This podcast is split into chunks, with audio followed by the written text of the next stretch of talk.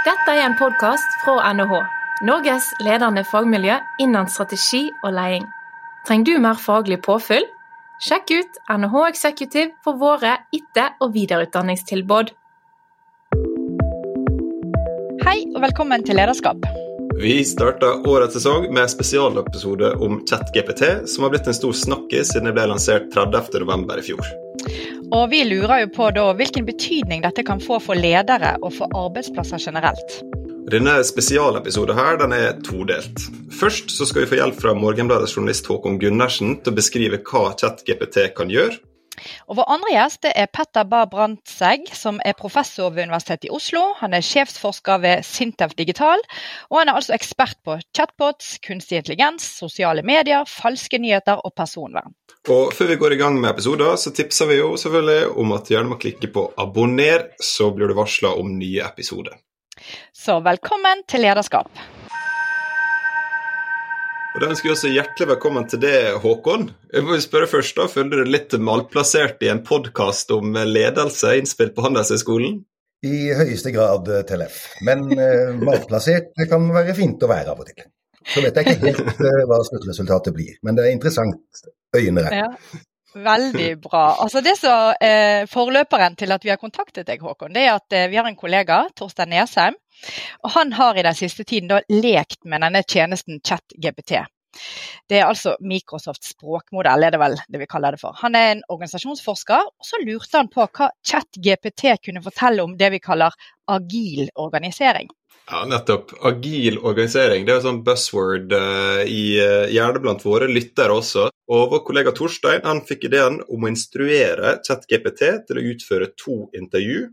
Ett med en konsulent og ett med en kritisk forsker.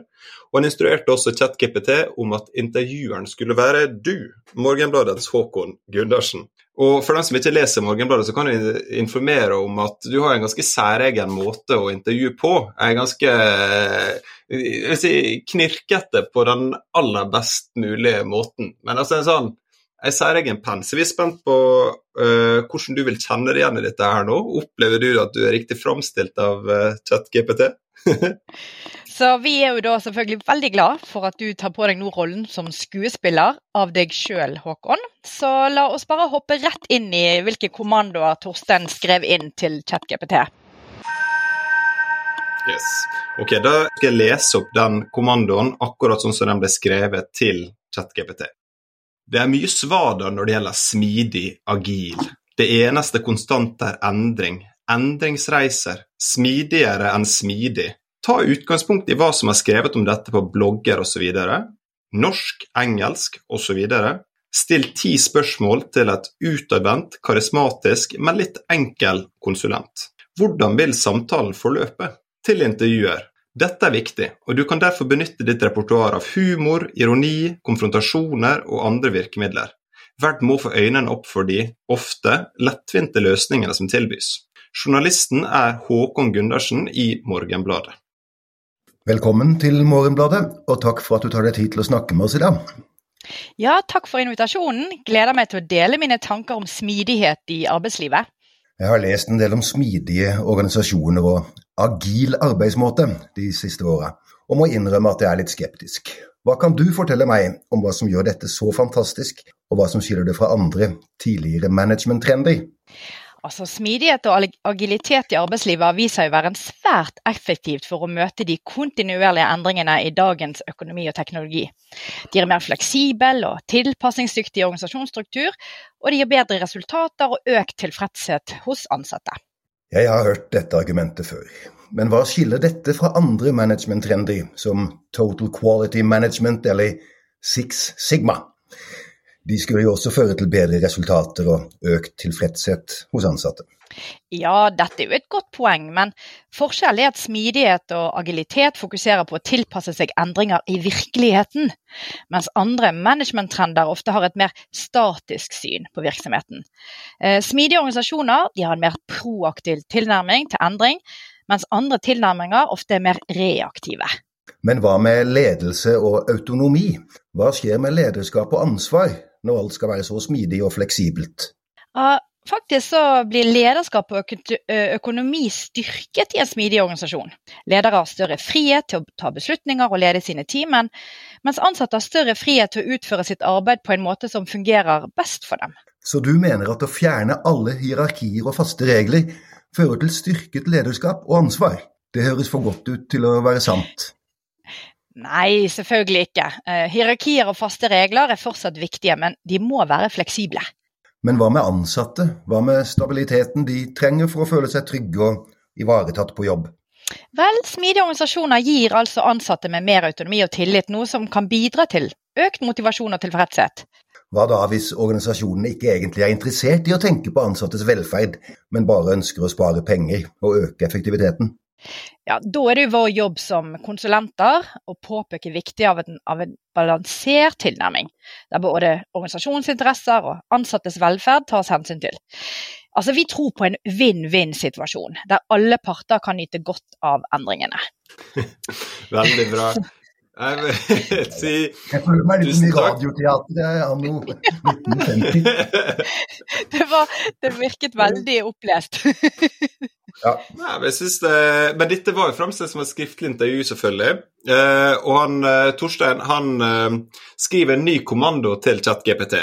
Ja, og han skriver jo da dette var bra, men kan du ta et intervju med en alvorlig, litt pessimistisk organisasjonsforsker som, om disse smidige løsningene? Få fram hans ankepunkter, men husk at du også må være kritisk til forskeren. Takk for at du tar deg tid til å møte meg i dag. Du har blitt beskrevet som en alvorlig og litt pessimistisk organisasjonsforsker, du. Hvordan vil da du beskrive ditt syn på smidige løsninger, som er så populære i arbeidslivet nå? Jeg vil beskrive det som en overdriv av en idé som egentlig har en del fordeler, men som nå blir framstilt som den eneste løsninga for alle organisatoriske utfordringer. Jeg mener at det er mangel på kritisk tenkning og et ensidig fokus på tekniske løsninger. Hva mener du med at det er en, ja, en overdrive av en idé? Jeg mener at det er blitt en slags mode å implementere smidige løsninger uten å tenke gjennom hvor godt det passer for den enkelte organisasjon. Mange tror at de blir mer effektive ved å implementere teknikker som scrum eller kanban, men de ignorerer at dette krever en endring i organisasjonens kultur og lederstil. Du sier at det er en mangel på kritisk tenkning. Hva mener du med det? Jeg mener at mange ledere og organisasjoner bare implementerer smidige løsninger uten å tenke gjennom hva konsekvenser det vil få for medarbeidere og organisasjonen som helhet. De ser ikke at det kan føre til økt stress og usikkerhet for medarbeiderne, eller at det kan gi en mindre effektiv organisasjon hvis det ikke passer organisasjonen. Det høres ut som du har et veldig kritisk syn på denne tilnærmingen. Hva vil du si er det største problemet denne tilnærmingen har til organisasjon og ledelse? Vel, jeg mener at denne smidighetsbølga er mer fokusert på buzzwords og trender enn på å faktisk forbedre organisasjonene. Mange ledere tror at ved å kalle seg sjøl agile og bruke buzzwords som endringsreise, så har de faktisk gjort noe for å forbedre organisasjonen. Men i virkeligheten ser det ofte en skjult form for dårlig ledelse og mangel på handlekraft. Kan du utdype dette litt mer? Jo, jo, absolutt. En av de største ankepunktene jeg har, er at smidighet ofte blir brukt som en unnskyldning for mangel på strategi og langsiktig planlegging. Ledere tror at ved å være smidige, så kan de tilpasse endringer raskt, men i virkeligheten så fører dette til manglende retning og manglende evne til å ta de tunge beslutningene som kreves for å faktisk forbedre organisasjonen. Hva tror du er årsaken til at så mange ledere faller for denne smidighetsbølgen, da? Jeg tror det skyldes en kombinasjon av mangel på kunnskap og lederskap. Mange ledere er ikke klar over hva smidighet egentlig betyr, og hva det innebærer å være en agil organisasjon. Samtidig er det enklere å hoppe på en trend eller en buzzword enn det faktisk er å gjøre det harde arbeidet med å forbedre organisasjonen. Interessant. Hva tror du er løsningen på dette problemet? Jeg mener at ledere må bli mer bevisste på hva de faktisk gjør når de kaller seg selv agile. Og så må de være mer åpne for å lære og forbedre seg. Ok, det er veldig bra skuespill her nå, syns jeg. Eh, men nå, nå, er vi litt nysgjerrige da, Håkon. Eh, altså, hva tenker du? Kunne dette vært eh, dine spørsmål på en dårlig dag? ja, og det er jo på en måte Det er jo superinteressant, for jeg har lurt på med denne prate-chat-dingsen om eh, hva den egentlig gjør, og jeg har ikke satt meg ordentlig inn i det. Men det er jo åpenbart at den eh, fyker rundt på nettet i en veldig fart, og er i stand til å altså fange opp, som dere har forsøkt på, å fange opp noe, noen særegenheter ved også min eh, måte å intervjue folk på. Og det jeg kjenner igjen her, kan være insisteringa. At jeg liksom ikke gir meg. Men det jeg håper at ikke jeg gjør, er å være så, å si, så lite oppfinnsom når det gjelder ordvalg, og så lite variasjon, mm. lite variasjon i spørsmålene. Jeg syns det ble pinlig når jeg hele tiden måtte sitte og spørre på den måten. Hva mener du med det, hva mener du med det? Ja. Det ble på en måte veldig lite elegant, da. Og, ja.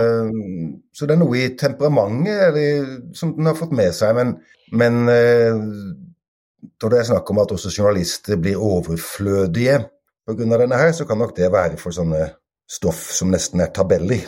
Men eh, jeg tror også det kan være en slags eh, wake-up call, sier man det, til journalister om å gå tilbake til det de egentlig skulle gjøre mye mer av, nemlig gå tilbake til virkeligheten og være til stede på steder. Ikke gjennom nettet, men være, ja, lage reportasjer fra ja, alt fra arbeidsliv til hva som helst. Og, og møte folk ansikt til ansikt, og dessuten um, dyrke evnen til å observere selv. For dine mm. egne observasjoner fra et eller annet sted, mm. de har ikke chat GPT, eller heter det GTP? GPT? GPT. å um, få med seg. Mm.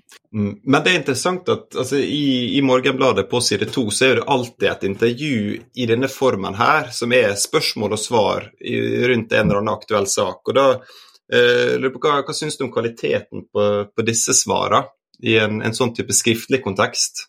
Ja, nei, jeg syns jo um, Det kan jo Det som sies, er jo troverdig at sånn kunne to typer eller En organisasjonsforsker, og hva var den første som var optimist? Konsulent. Det var en konsulent. Mm. Sånn kan jo begge to finne på å snakke, men, men, som journalist så er man ikke fornøyd med den typen svar fordi at de er så veldig sånn snusfornuftige og pregløse.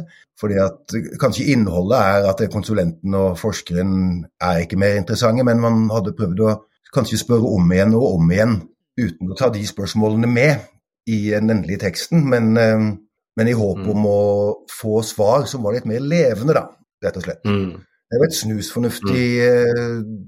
Tørt menneske som snakker, uansett. Vi vil ikke ha innholdet. Men uh, Håkon, da sier vi tusen tusen takk for at du uh, For det første at, du, du, at penna di ble brukt mot din viten og vilje, men ikke minst at du ville låne stemmen din til oss helt frivillig som, uh, som skuespiller. Det var en ære. Takk skal dere ha. Tusen takk. Ha det, ha det godt. Tusen takk. Da kan vi ønske hjertelig velkommen til det, Petter. Veldig kjekt å ha deg her. Takk for det. Takk for at jeg fikk komme. Veldig hyggelig. Eh, vi kjenner jo hverandre litt fra før, for vi var kollegaer da jeg var gjesteforsker på UiO. Og så skjønner jeg at du kjenner Therese fra før også? Ja da, så her er det gamle kjente på begge sider av bordet. Ja, utrolig artig å uh, se at du dukker opp i uh, spesial uh, chat-GPT-kunnskap, uh, Petter. Vi tok jo psykologi hovedfag sammen back in the days, la oss bare si det sånn. Ja. Du, hva syns du om de intervjuene vi nettopp fikk opplest, og kvaliteten på det som da chat-GPT klarte å produsere? Jeg syns det er veldig imponerende at den i det hele tatt kan lage et intervju. Altså, vi skal tenke på at hvis vi går bare noen måneder tilbake i tid, så var dette um, veldig mye dårligere. Laget mye dårligere tekster av alt mulig rart. Nå kan en slik Altså jeg kaller det en samtalerobot, eller conversational AI, altså en slags kunstig intelligens som man kan snakke med. Den kan forklare vanskelige temaer, den kan gi sammendrag av artikler, den kan skrive essays, den kan skrive tekst den kan oversette tekst, den kan løse problemstillinger, gi forslag til forskningsdesign, you name it. Altså den kan både analysere data, skrive data og gi ny kunnskap. Og her kan den til og med altså lage et intervju da, som eh, virker for meg ganske dynamisk og ganske bra. Eh, så jeg vil si at dette er ganske imponerende. Kan du da prøve å forklare eh, nøyaktig hvordan dette intervjuet her nå er laga? Hva, eh, hva har skjedd her? Altså Det som har skjedd, det er uh, at altså generativ AI, som dette kalles, da, uh, er laget basert på at den er trent på et enormt sett med data. Og i dette tilfellet også tekstdata. Så det er ikke noen bilder eller videoer involvert, det er bare tekst. Og det er tekst fra hele internett. Eh, Wikipedia, sosiale medier, og lignende. Som har trent seg på, og den kan da predikere neste ord i en tekst. Du kan tenke deg når du skriver en tekstmelding på telefonen, så vil den predikere hva den tror kommer etter 'jeg er'. Da vil den antagelig predikere 'jeg er glad i deg'. Eh, og slik fungerer også denne modellen her, da. Bare at dette er en enorm språkmodell som, eh, som kan predikere med mye bedre sannsynlighet hva som kommer i neste omgang. Mm. Og her må vi også da legge til at nøyaktig hvordan ChatGPT fungerer, er jo litt sånn altså black box, litt ukjent for, eh, for oss som ikke har tilgang på kildekoden. Men vi kan i hvert fall anta at den har funnet fram til både intervju som Håkon Gundersen i Morgenbladet har skrevet, eh, og, og scrapa dette, at det er en del av datagrunnlaget, og ikke minst da alle mulige blogginnlegg og sånt om eh, agil organisering, og så sannsynligvis uttalelser fra eh, forskere om agil organisering. Den har i hvert fall klart å, å komme fram til disse resonnementene basert på tekst som allerede finnes på internett. Ja, altså alt som egentlig er åpent på internett, er putta inn i ChatGPT. Eh, men så er det jo også gjort begrensninger eh, med det man kaller for utdata, altså hva som kommer ut. Fordi den vil jo ikke at eh, man skal snakke stygt om politikk, stygt om mennesker, stygt om homoseksuelle, stygt om minoriteter generelt.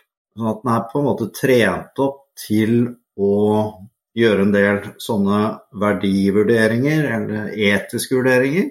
Og i tillegg så, så er det jo enormt mange parametere i spill her. Vi snakker om flere millioner parametere, så det er jo som du Tellef sier, altså dette er jo black box. altså Man aner jo egentlig ikke hva som foregår.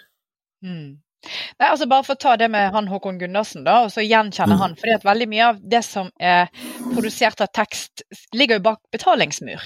Mm. Eh, og Du mm. snakket om at det skulle være åpent tilgjengelig. Så der lurte jeg på, har de likevel tilgang til noe som er bak betalingsmur? Vet du noe om det? Eh, så vidt jeg har lest meg opp, så skal det ikke være tilgang til ting som er bak eh, betalingsmur. Men um, det kan jo selvfølgelig være noe. Mm. Det som har skjedd da, sånn så, Grunnen til at vi nå lager denne episoden, er jo at dette med ChatGPT har fått enorm oppmerksomhet. Eh, mm. Og det ligger vel kanskje litt i sakens natur, som du sa. Dette er jo ganske utrolig. Eh, men, men, hva tenker du er grunnen nå til at den har fått så mye oppmerksomhet liksom, over det hele? Er det noen spesielle bransjer du merker deg der dette har fått sånn Oi, nå må vi passe oss, mer enn andre? Eh, jeg gikk jo ut og sa at forskere bør passe seg litt. men, men, eh, men, eh, jeg tenker jo at det er veldig mange såkalte kunnskapsarbeidere, sånn som oss, som sitter rundt omkring i det offentlige og i det private for den saks skyld, som sitter og gjør eh, veldig mye skrivearbeid og veldig mye rutinebasert skrivearbeid. Eh, og jeg tenker at veldig mye av denne kunstig intelligensen som kommer nå, kan jo, som vi ser, med ChatGPD faktisk altså skrive ganske imponerende tekst. Eh, så jeg tenker at veldig mange av Altså Det nye her er jo at uh, man har jo tenkt at det er jo de manuelle yrkene som ryker. Mens nå er det faktisk middelklassen og de som driver med såkalt kognitivt eh, arbeid, eller kunnskapsarbeid, som kanskje står i fare, da, eh, om man kan kalle det. Men altså, jeg tror jo ikke, ikke det er sånn at eh, vi ryker ut med det første. Men denne teknologien er jo veldig ny. Altså Hvis man går tilbake til 2016, så fantes det jo knapt en uh, chatbot som hadde en form for kunstig intelligens slik vi kjenner den i dag, med maskinlæring og den type ting. Mens nå så er det til stede. Og det vi ser med ChatGPT, er jo at den er ikke bare god innenfor ett spesielt domene, f.eks. helse. Den er god innenfor nesten alle domener. Sånn at du har fått hele verden inn i én sånn samtalerobot. Og det er jo noe helt Mm. Men, men, det du sier Petter, om at du syns det er ganske imponerende, sant? de tekstene som skrives. Jeg har jo prøvd litt sjøl, eh, og jeg lurer på om jeg gir dårlige kommandoer eller hva. Men jeg syns ikke kvaliteten, altså hvis du skal ta det fra et forskerperspektiv, kvaliteten på det som har kommet ut når jeg har bedt den eh, vurdere noen begreper, teorier eh, Jeg syns ikke det er så bra, jeg. Men du, Nei, altså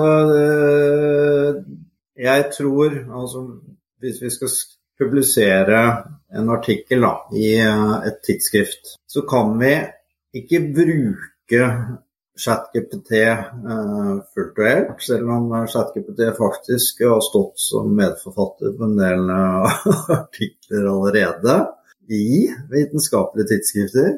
Nå vil nok det forsvinne, da. Men jeg har selv uh, vært med på å skrive en artikkel nå som vi holder på med, som heter 'Why People Use ChatGPT'. Altså hvorfor folk bruker ChatGPT. Og da har vi analysert svarene til 200 ChatGPT-brukere på hvordan de bruker dette. her. Og da prøvde vi oss litt med ChatGPT. Da kanskje ChatGPT kan skrive artikkelen for oss til og med, uh, tenkte vi. Men uh, det gikk ikke, fordi den ble for dårlig. Og så begrenser den seg også opp med innhold fra internett på 2021. Og her skjer jo ting fort, og man må ha fersk kunnskap. Og da holder ikke ChatGPT. Mm. Det er i hvert fall. Eh, en, en, hypotese her er i hvert fall at dette er noe som, en teknologi som kommer til å utvikle seg ganske mye og fortrinnsvis ganske kjapt. Og det er kanskje En av eh, kjepphestene jeg har, da, er at sånne type hardware-innovasjoner de tar det lang tid å få ut. Tenk på fasttelefon eller mobiltelefon eller den type ting. Det tar litt tid før det får spredt seg, men når du har mm. software-innovasjon, så kan en app få kjempestor bruk og gjennomslag ganske kjapt.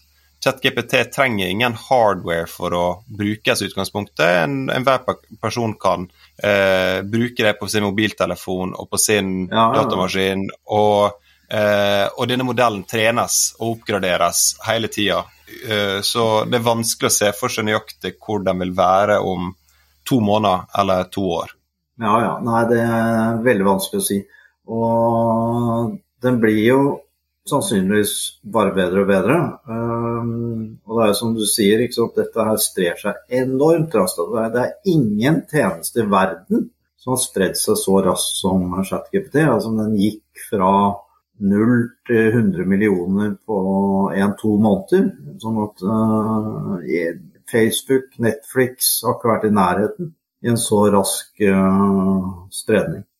Du har jo nå fått eh, penger, nesten en million kroner fra Medietilsynet for å forske på ChatGPT. Hva, hva, skal dere forske på der, før vi går over til å snakke litt om ledelse, som er til lytterne våre? Men jeg ville bare dykke litt ned i det, siden vi først var inne på tematikken ChatGPT og utviklingen. Altså, nå fantes jo ikke ChatGPT når jeg skrev denne søknaden. Men, men, eh, men generativ AI, eh, altså skapende kunstig intelligens, altså intelligens som kan skape innhold, det var jo allerede utbredt. Og modellen som ligger til grunn for eh, ChatGPT, altså GPT3, som er en sånn tredjegenerasjonsspråkmodell, den var jo også lansert, og den er det jo en relativt åpen kildekode på.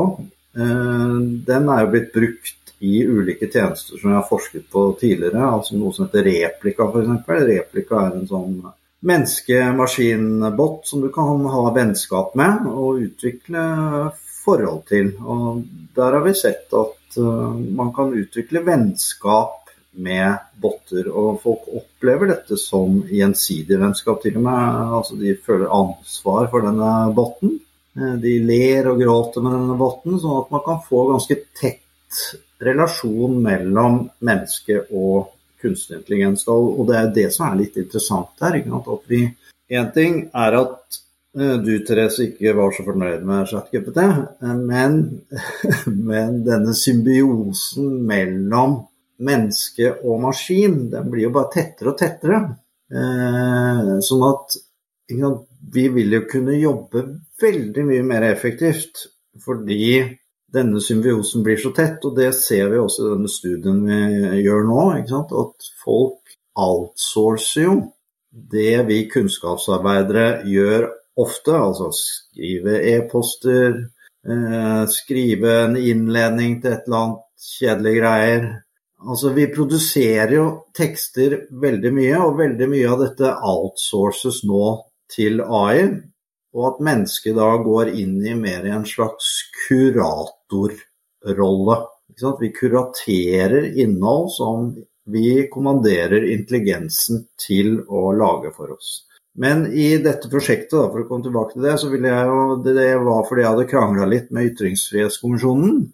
Jeg var ikke helt enig i deres fokus, fordi de ignorerte i stor grad det fokuset på kunstig intelligens og skapende eller generative AI. Da. Sånn at jeg tenker at en veldig viktig ting nå i ytringsrommet framover vil jo antagelig bli sant, denne symbiosen mellom menneske og maskin. Hva er egentlig en ytring som er skapt delvis av AI og delvis av menneske? Og hvor fri er vi som menneske i den prosessen? Og nå har vi hatt algoritmer, vi har blitt kjent med konseptet algoritmer. Eh, algoritmer bestemmer hva vi ser og ikke ser. ikke sant? til enhver tid. Jeg ser noe annet på Facebook enn du, Therese, og Telle ser noe annet eh, på Facebook enn Therese. Det vi ser nå, er på en måte ikke synlighetsregimer bare, men vi får også innholdsregimer. I den forstand at AI i stor grad går inn og lager innhold for oss. Og hva betyr det egentlig for ytringsfriheten? Og at det er der jeg eh, skal ja, for... forske. Mm. Eh, ja. Ja, for, og jeg syns det er viktig å poengtere også at vi, når vi snakker om ChatGPT, så er det fordi det er den eh, tjenesten som er nå får mye oppmerksomhet i media, men generativ mm. AI kan jo da være mange forskjellige tilbydere av det. Google jobber med en konkurrent som etter sigende skal lanseres i slutten av måneden, eller mars, og, mm. og ChatGPT skal eh, implementeres i søkemotoren til Microsoft som heter Bing. Uh, Google ja, ja. vil jo implementere sin modell i Google søk. Så her er det, så det er forskjellige typer konkurrerende produkt. Og generativ AI er jo, er jo ikke bare tekst, ikke sant? det er jo bilder, det er video, det er liksom, Nå ble det jo lagt ut en episode av Seinfeld Eh, som er generativ AI, som uh, går og går og går på Twitch. Nå ble den riktignok bannet fordi den hadde sagt stygge ting om homofile og transer. Sånn at den går jo, Generativ AI går jo nå inn i ytringsrommet vårt. Mm. Og Det er det som er mm. interessant. Ja, for det var det jeg bet meg merke i som du sa i forhold til ytringsfrihet. Vi i Norge i hvert fall likevel å, å tro og hevde at vi har total ytringsfrihet, sånn relativt sett. Eh, og så kommanderer vi da den chat-GPT-en til at vi skal ytre oss ikke så veldig mye om, og så hadde du en innledning i sted på hva vi ikke skulle ytre oss om. Og det begrenser oss jo på et vis. Mm. Eh, så hvem sitter og bestemmer hva det er lov å ytre seg om, og nettopp hva skjer med ytringsrommet? Ja, og Det er veldig mm. gøy da å bruke Seinfeld som eksempel. for det er sånn, og Hvem kunne tenke seg at det var homofobe vitser i en amerikansk sitcom på 90-tallet? liksom? Det er jo eh, altså, eh, Det er jo selvfølgelig ikke kultursensitiv på samme måte. Eh, ja. Ja, ja, og, og liksom, man kan jo tenke seg altså Vi vet jo nå med overvåkningskapitalisme og alt dette her altså Det som er med chat-GPT, er jo at det foreløpig er et forskningsprosjekt. Det er, noe, det er jo egentlig ikke noe forretningsmodell foreløpig.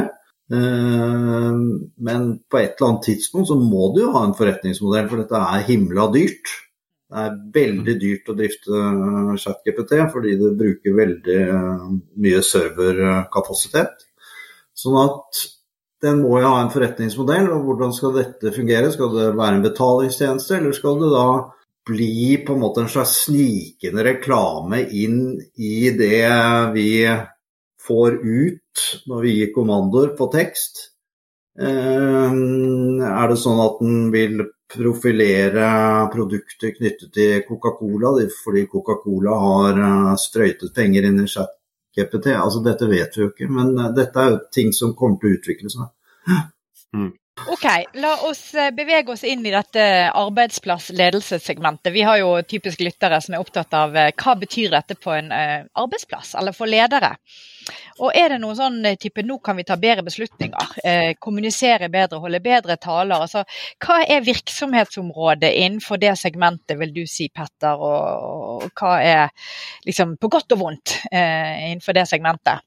Jeg tenker at uh, alle som driver med ledelse i dag, klør seg litt i hodet. ikke sant? I, hvordan skal vi angripe dette her? Eh, jeg jobber jo selv ved universitetet. Hvordan i all verden skal vi forholde oss til ChatGPT?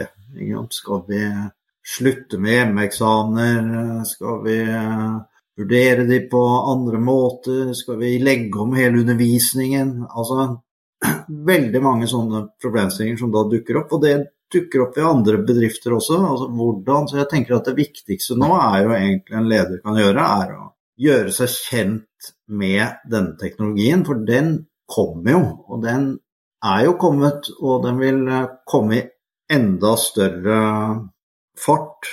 Uh, altså Nå har vi sett hvor mange som har tatt i bruk ChatGPT på utrolig kort tid. Og det kommer nå flere varianter av ChatGPT løpende som Tellef var innom. Sånn at uh, her må man sette seg ned og gjøre en vurdering av hvilke muligheter som ligger der i forhold til min bedrift, og hvilke utfordringer som ligger der. Så tenker jeg at man skal ikke sparke veldig mange arbeidere med det første. Fordi man må jo først se mulighetsrommet. Altså hva kan denne brukes på på en god måte? Og så kan man jo, sant, sånn som uh, veldig mye av litteraturen rundt dette her sier, altså vi kan bli uh, for avhengige også av AI. Vi kan gjøre oss for avhengige av AI i den forstand at vi stoler kanskje for mye på den, uh, fordi den kan virke så overbevisende.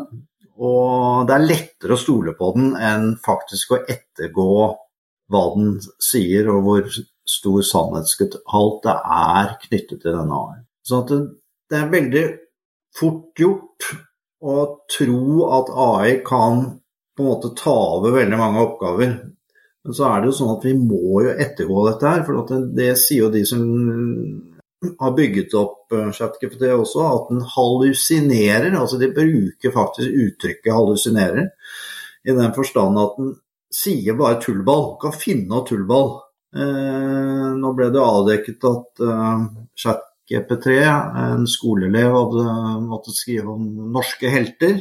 Og så hadde hun søkt på norske helter på ChatGPT og fått opp en liste av eh, norske helter, og da var jo Anders Behring Breivik nummer én. Eh, Torbjørn Egner, eh, nazist. Altså sånne ting, da. Eh, så det er jo veldig mange fallgruver her også, så man skal jo være veldig forsiktig og varsom og vite hva man driver med når man bruker den teknologien. Altså, kan det bli sånn, for dette, Jeg tror det er noen sånn teknologioptimister blant oss, og så har du teknologipessimister på et vis. At Teknologioptimistene sånn, blir litt sånn forelsket i Oi, nå kommer dette, og dette må vi omfavne, og dette må vi bruke for det det er verdt.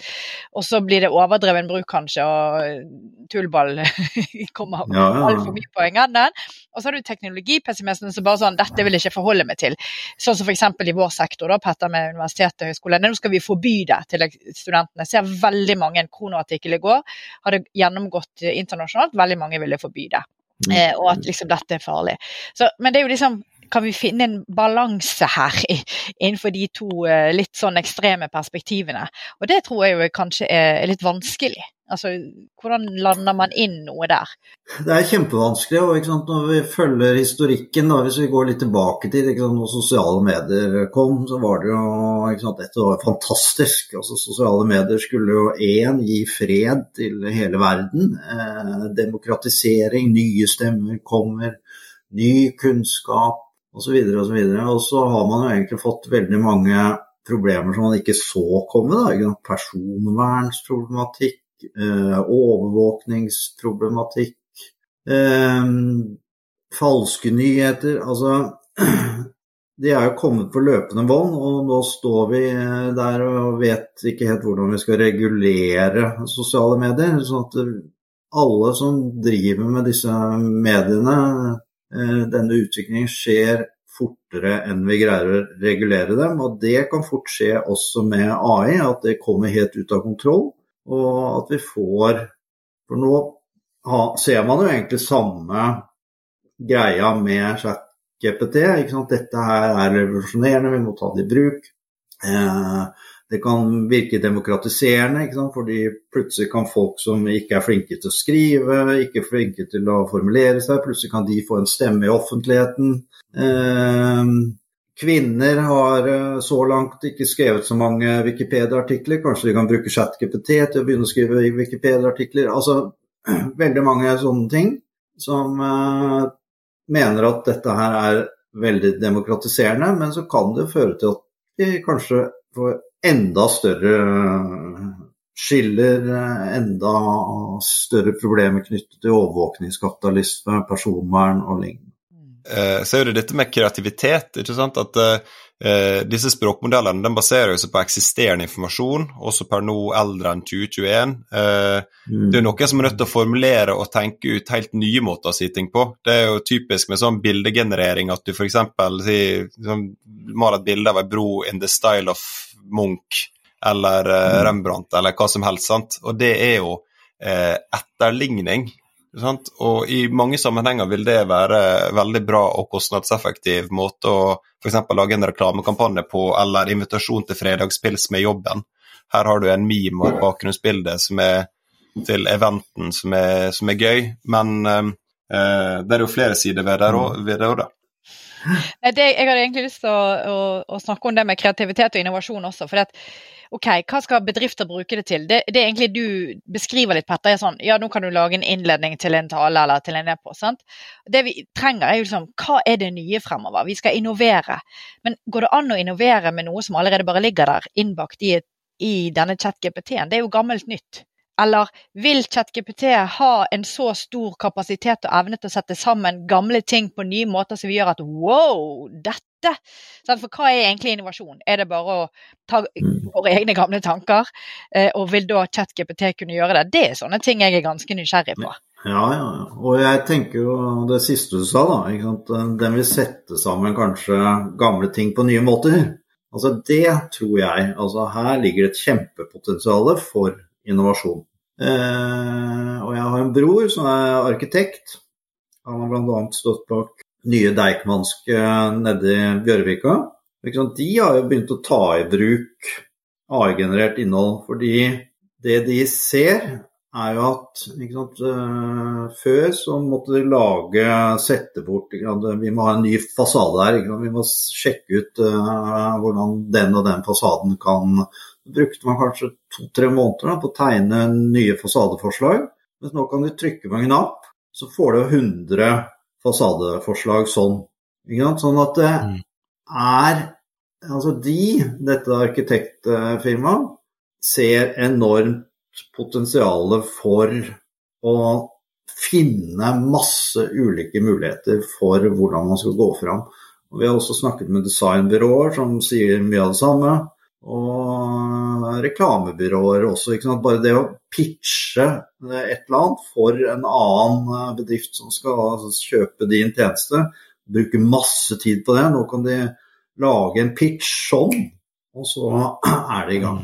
Mm. Og Innen arkitektur så vil jeg nevne et uh, annet norsk selskap, og det er Spacemaker. Uh, for mye av det en arkitekt gjør, er jo å tilpasse rom til ulike krav. sånn at Det skal være så, så stor plass mellom hver person som jobber. Det må være ventilasjonsanlegg, det må være så så stor avstand mellom dør og, og vegg osv. Og der kan du bruke AI til å sørge for at det du har tegna og laga, oppfylle alle disse formkravene automatisk. ikke sant? Forholde seg til disse mm. rammene og disse strukturene. Og Det er jo selvfølgelig ekstremt mye kostnadsbesparende i forhold til å måtte tegne opp alt på nytt per hånd og måle opp med linjal. Eh, at det oppfyller ulike krav.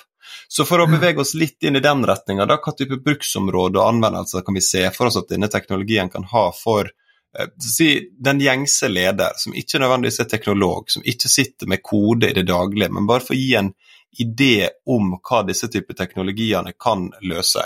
Jeg kan nevne ett eksempel først, og så kan du eh, supplere, Petter. Det, det, første jeg vil nevne, er da å rydde opp i kode. Du, du, driver med noe sånn lavgradskode, ganske basic greier, og så er det en feil som gjør at f.eks. nettsida ikke gjør det du vil. Du kan mm. be ChatGPT om å finne fram til feilen i koden og rette opp i den automatisk. Det er et eksempel. Hva flere typer ting kan du komme på, Petter? Eh, det er uendelige eksempler. Eh, det er jo det som er litt eh, interessant med ChatGPT. Altså, jo mer jeg prøver å teste ut og holde på med ChatGPT, jo flere muligheter ligger jo der, egentlig. Altså, vi har til og med testet det til å analysere svære tekstdata. Det går. Mm. Men uh, jeg tenker at veldig mange i det offentlige i dag sitter jo altså Tenk deg departementer, det sitter mange og lager talepunkter til, uh, til disse statsrådene våre uh, i timevis hver dag. og mm. det sitter folk i det offentlige som skal lage oppsummeringer av ditt og oppsummeringer av datt. Altså Veldig mye av dette her kommer jo til å kunne gjøres like godt Øh, og veldig mye fortere ved hjelp av kunstig intelligens. Eh, men mm. så må du selvfølgelig ha menneskelige kuratorer som sitter og kvalitetssikrer og sjekker at prosessen går som den skal. Men veldig mye innenfor eh, kommunikasjonsbransjen, informasjonsbransjen, eh, designbransjen, som vi har vært inne på, arkitektur, eh, aviser, altså journalistikk. Eh, mange ulike bransjer jeg tenker at dette kan brukes i. Mm.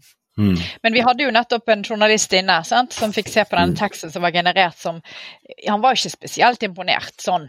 Eh, han var litt imponert eh, over tonen, at han hadde klart å catche Håkon Gundersens stil på et nivå, men han sa han ville jo aldri formulert meg sånn som, som det endte opp. Og jeg syns svarene var veldig litt sånn platte.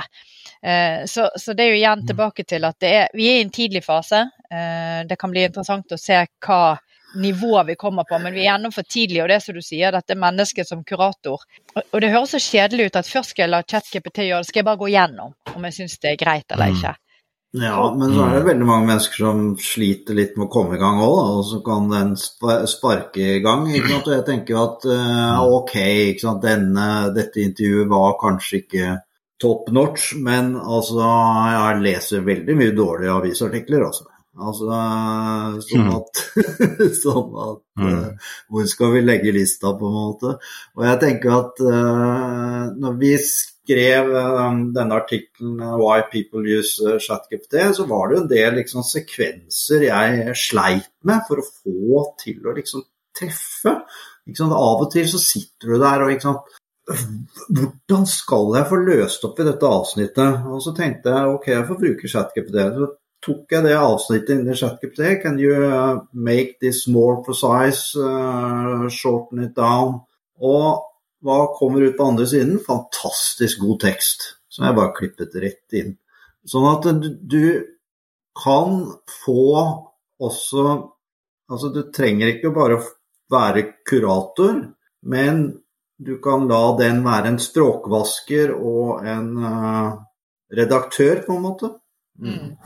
Det som fascinerer meg for tiden, er jo at uh, inne på Twitter, som jeg er innom stort sett hver dag, eh, kanskje et par ganger om dagen, det er en utrolig uh, dugnad eller giverånd i å fortelle folk uh, her er gode kommandoer, du kan bruke ChatGPT, se hva jeg brukte det til, osv. Så, videre. så hvis noen lurer på bruk med ChatGPT, syns jo det er en utrolig fin kanal for å, mm. å, lære seg mm. mer. Jeg har ikke sett noen andre av de sosiale mediene som er så ja, meddelsomme og to the point på det. Jeg Vet ikke hvor dere får uh, innspill på dette. Uh, jeg, Nei, altså, jeg bruker også eh, veldig mye Twitter. Ja, for meg også er det, er det, mye Twitter. Men jeg tenkte også det er veldig fint å, å nevne at uh, ChatGPT igjen, det er én type tjeneste. Det vil komme konkurrerende tjenester som vil ha andre navn. Og kanskje også andre typer tjenester som vil ha litt annen type bruksområde. F.eks. leite etter uh, mistenksomme avvik i regnskap, eller uh, formateringsfeil i Excel-dokument, eller uh, hva som helst. da. Uh, og, det, og, Mange av disse tjenestene finnes allerede, de har ikke samme type oppmerksomhet. Tenk på uh, Grammarly, en, tjeneste, en, språkvaskingstjeneste som leter etter stavefeil, og som foreslår uh, bedre formuleringer.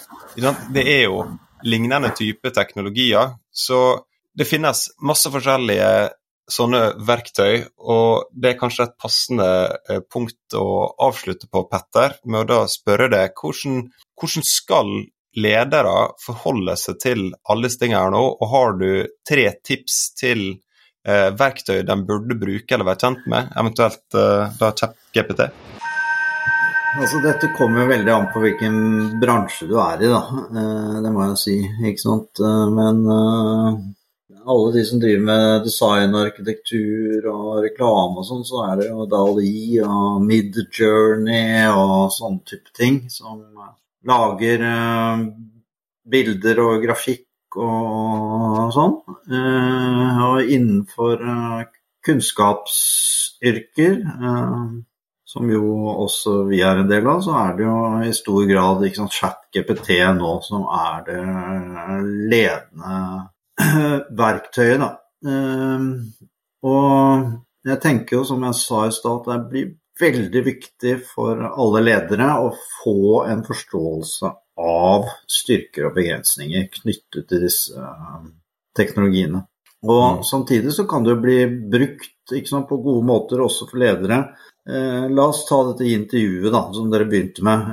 Det, en, en, leder kan jo bli konfrontert veldig ofte både fra ansatte, fra utenomverden. Så man kan jo faktisk trene seg på intervjusituasjoner og hvilke spørsmål som måtte komme opp knyttet til en sak, f.eks. Man kan mm. ha en slags sånn virtuell seanse med ChatGPT som gjør at man kan være mye for, mer forberedt da når man skal møte til allmøte, eller når man skal møte pressen eller andre. sånn at eh, jeg tenker at vi må se på disse verktøyene også som en slags digital assistent eh, fremover. Altså en slags eh, coach, eh, kanskje, til og med. Som kan eh, hjelpe lederen til å håndtere både konfliktsaker og andre saker på en bedre måte.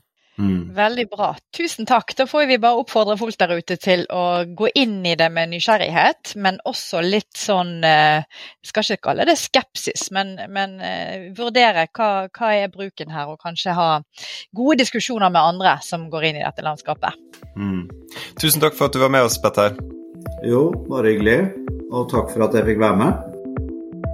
Du har nå hørt på Lederskap, NHHs podkast om ledelse. Ta gjerne kontakt med oss om du har ris eller ros eller tips til tema eller gjester. Du finner kontaktinformasjon på NHH sine hjemmesider, eller så kan du skrive til oss direkte på Twitter eller LinkedIn. Og om du likte det du hørte, så blir vi veldig glad om du vil abonnere og dele episoden med kollegaer. Vi høres! Supert.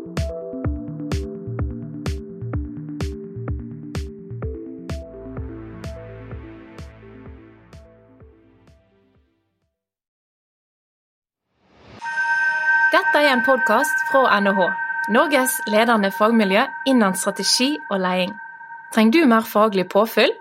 Sjekk ut NHH Executive for våre etter- og videreutdanningstilbud.